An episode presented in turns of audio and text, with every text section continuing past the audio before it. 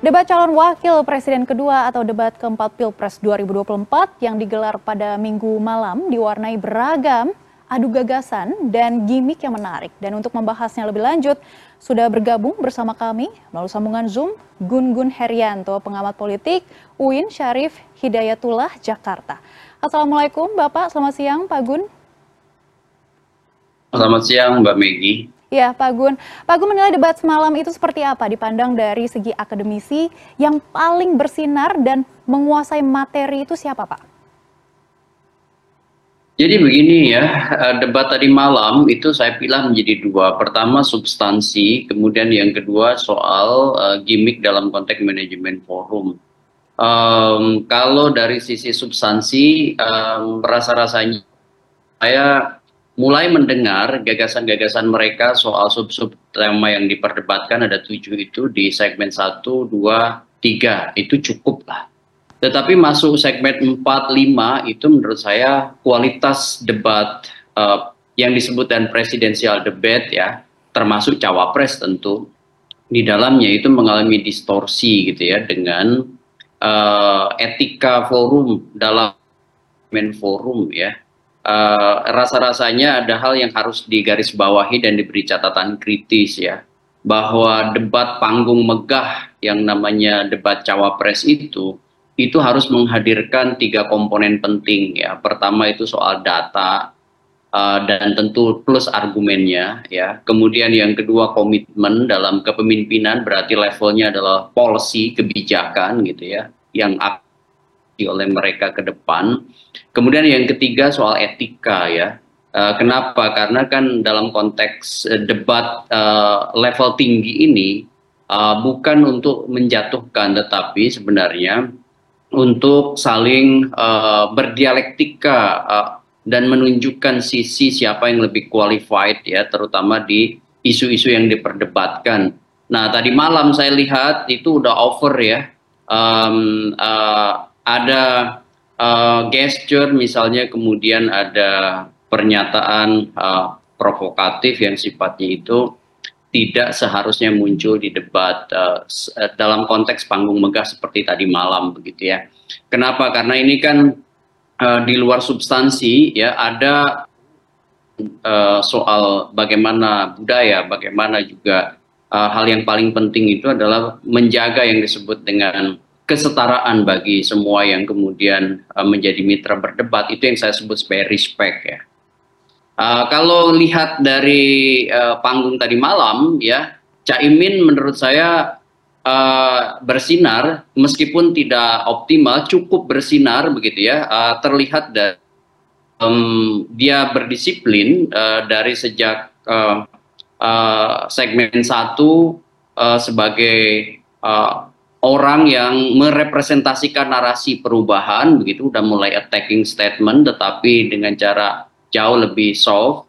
Kemudian di segmen uh, 3 4 dia kemudian juga cukup bisa mengontrol ya baik itu narasi maupun body language-nya ketika misalnya digoda uh, untuk masuk pada pusaran emosi gitu ya uh, oleh Gibran terutama ya ketika misalnya uh, diejek dengan contekan begitu ya. Kemudian dia juga mampu uh, apa me, me, me, melawan dalam tanda petik ya. Kemudian merespons dengan, dengan uh, menyandingkan uh, catatan itu dengan MK begitu. Dan ini kan sebenarnya kan respon terhadap uh, Gibran secara implisit meskipun uh, tetap mengindahkan yang disebutkan etika forum. Jadi keterjagaan uh, retorik itu uh, diimbangi dengan ke kepiawaian Caimin tadi malam khusus tadi malam ya itu dalam mengelola emosi. Kemudian Gibran menurut saya dari sisi knowledge terkait dengan isu-isu yang diperdebatkan terutama misalnya energi terbarukan,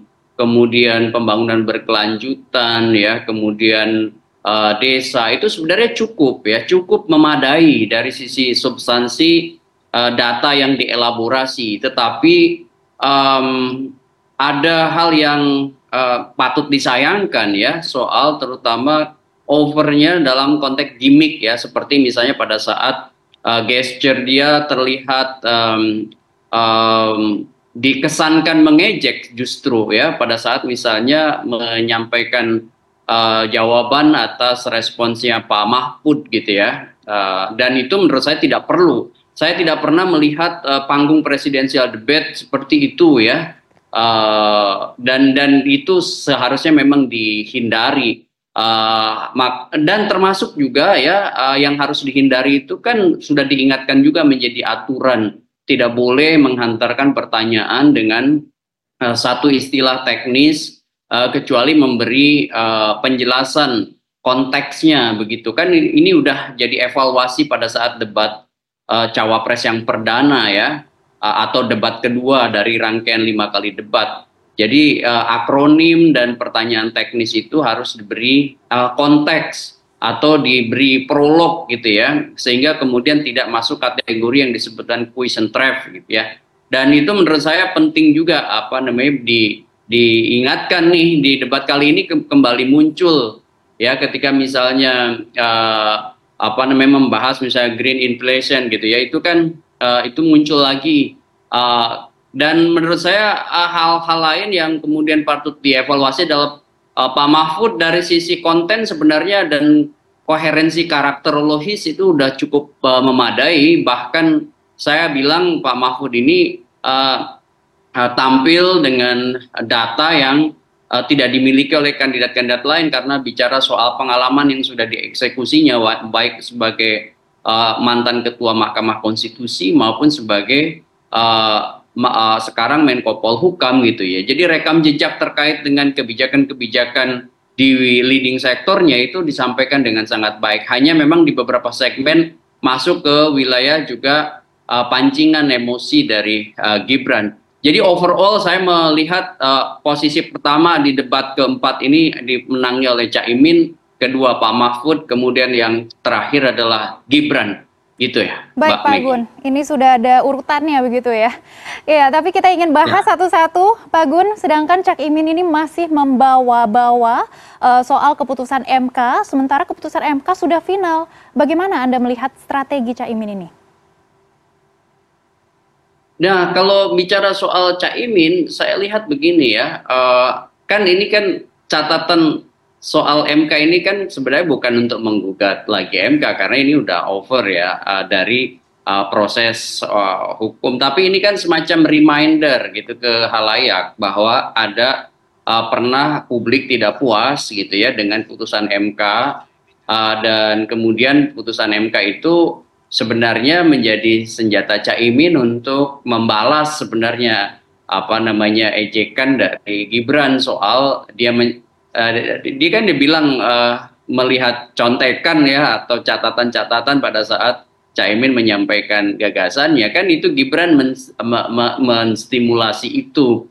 Kemudian Caimin dengan uh, cekatan sih menurut saya itu kemudian uh, masuk ke wilayah yang juga sebenarnya respons uh, uh, menyerang tetapi uh, dengan gaya khasnya tidak kemudian berlebih yang tetap apa namanya uh, uh, terkesan kemudian tidak merendahkan begitu. Jadi ya lebih baik daripada catatan MK gitu kan itu kan sebenarnya bukan mem mempertanyakan putusan MK tetapi menjadi uh, pesan yang uh, memberi apa semacam pengingat ke halayak luas bahwa pernah ada ketidakpuasan soal Mahkamah Konstitusi terutama soal um, review sebelumnya.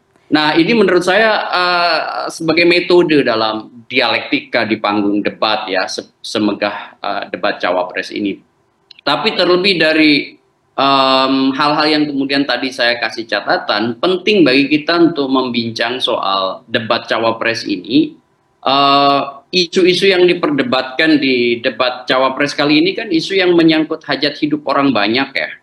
Contoh misalnya isu pangan, seharusnya itu jauh lebih bisa uh, uh, ke dalam ya ke substansi gitu ya misalnya soal gagalkah pus, uh, food estate ya. Uh, nah kegagalannya itu memang sempat disampaikan oleh Prof. Mahfud ya tetapi kemudian menurut saya kurang terelaborasi oleh para uh, pasangan lainnya atau para kandidat lainnya. Kemudian misalnya bicara soal isu-isu konflik agraria ya kasus misalnya Wadas Rempang gitu ya. Kemudian kita bisa lihat lagi misalnya kasus menyangkut uh, politik anggaran dalam tata kelola desa misalnya, uh, apakah misalnya uh, komitmen dan kebijakan soal implementasi undang-undang desa itu kan perlu uh, kedalaman dalam konteks bukan hanya pernyataan normatif, melainkan juga pernyataan yang uh, bisa implementatif dari hulu ke hilirnya. Belum lagi misalnya bicara soal uh, pembangunan berkelanjutan, karena pembangunan itu kan tidak bisa mendekonstruksi uh, nilai-nilai uh, kemanusiaan, ekosistem. Apalagi kita misalnya bersepakat dengan SDGs begitu ya. Nah, hal-hal seperti ini kan menjadi penting menurut saya jadi warna dialektika substantifnya dari segmen 1 sampai 5. Sayangnya di segmen 3 dan 4 yang eh sorry dari segmen 4 5 ya yang seharusnya itu justru menjadi uh, battle yang paling utama di antara segmen-segmen dalam debat itu justru terdistorsi oleh uh, uh, saja pengelolaan uh, forum yang uh, menurunkan saya saya analisis ini menurunkan marwah uh, debat uh, cawapres menjadi sesuatu yang sifatnya itu lebih dangkal gitu ya terutama misalnya dengan pernyataan-pernyataan dan gerak-gerak tubuh yang tidak perlu sebenarnya muncul di panggung tadi malam begitu. Baik, tadi Anda sudah menyebut kata kunci marwah begitu ya. Nah, kami juga mendapatkan momen uh, yang sangat berharga ini pasca debat tadi malam Anies memuji Cak Imin dan juga Mahfud kompak menjaga marwah debat Pilpres dan pendapat Bapak bagaimana? Apakah ini semacam sinyal bahwa mereka kemungkinan akan berkoalisi jika ada putaran kedua? Potensi koalisi itu ya besar ya. Uh, kenapa? Karena kan kalau kita lihat uh, proses komunikasi politik sudah mulai dibangun. Uh, karena pasti ada kebutuhan strategis ya jika pemilu itu berjalan dua putaran dan potensi untuk pemilu presiden 2024 dua putaran itu besar sekali.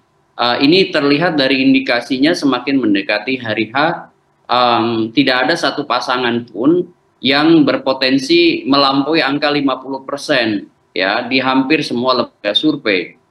Artinya apa? Potensi dua putaran itu tinggi sekali, Megi. Nah, dalam konteks itu maka harus ada namanya mitigasi ya dari uh, mereka para kontestan untuk uh, bicara soal potensi-potensi uh, koalisi di uh, kemudian hari, uh, terutama menjelang uh, pemilu jika memang betul-betul berlangsung dua putaran. Nah, saya lihat potensi paling besar untuk membangun komunikasi tanpa barrier sekarang itu adalah uh, pasangan 01 sama pasangan 03 gitu ya. Uh, meskipun tentu orang debatable uh, apakah bisa misalnya bertemu ya arus uh, ideologis ya dari uh, backbone masing-masing uh, koalisi itu. Sebut aja misalnya saya kasih ke contoh kecil aja misalnya antara PKS dan PDI Perjuangan begitu ya. Uh, tetapi ya tetapi uh, ini kan uh, kalau kita lihat perjalanan multipartaisme ekstrim di Indonesia itu koalisi tidak dibangun berdasarkan basis ideologi lagi gitu tapi berdasarkan opportunity structure perspektif atau perspektif struktur peluang Salah satunya adalah bicara soal, soal aspek probabilitas perolehan suara. Kemudian juga bicara soal benefit of office atau keuntungan dalam kekuasaan dan cost of entry atau biaya masuk gelanggang pertarungan. Jadi tiga hal inilah yang dominan menjadi bahan pertimbangan partai-partai berkoalisi. Sehingga mungkin saja menurut saya penjajakan itu dilakukan untuk mengantisipasi uh, mereka berkoalisi terutama pasangan 01 sama pasangan 03 karena menemukan uh, common enemy-nya. Ya uh, maksud saya begini uh, pasangan 02 ini kan merepresentasikan keberlanjutan yang sebut saja ya disponsori ya uh, baik langsung maupun tidak langsung oleh Pak Jokowi sebagai uh, game maker atau kingmakernya begitu. Nah, sehingga kemudian kekuatan di luar itu sebut aja misalnya PDIP yang merasa ditinggalkan itu akan mencari uh, tautan uh, mitra koalisi baru jika memang uh, apa namanya uh, pemilu itu berlangsung dua putaran termasuk juga misalnya jika uh, tentu salah satu di antara pasangan 01 dan 03 itu uh, gagal masuk putaran kedua. Bisa aja misalnya Anies yang melenggeng ke putaran kedua kemudian mengajak bersama-sama uh, um, koalisi pendukung Ganjar atau sebaliknya pendukung Ganjar melenggang kedua dan Anies misalnya gagal bisa aja misalnya tidak ada uh, psychological barrier ya di antara dua pasangan calon ini untuk saling ajak bermitra uh, dalam koalisi di putaran kedua begitu. Baik Pak Gun, sudah kami catat banyak sekali poin-poinnya dan tentunya kami sebagai media juga akan terus memantau dan juga menjaga kualitas debat Pilpres selanjutnya. Terima kasih Pak Gun sudah bergabung bersama kami di CNN Indonesian News Hour. Sama-sama Maggie. Ya.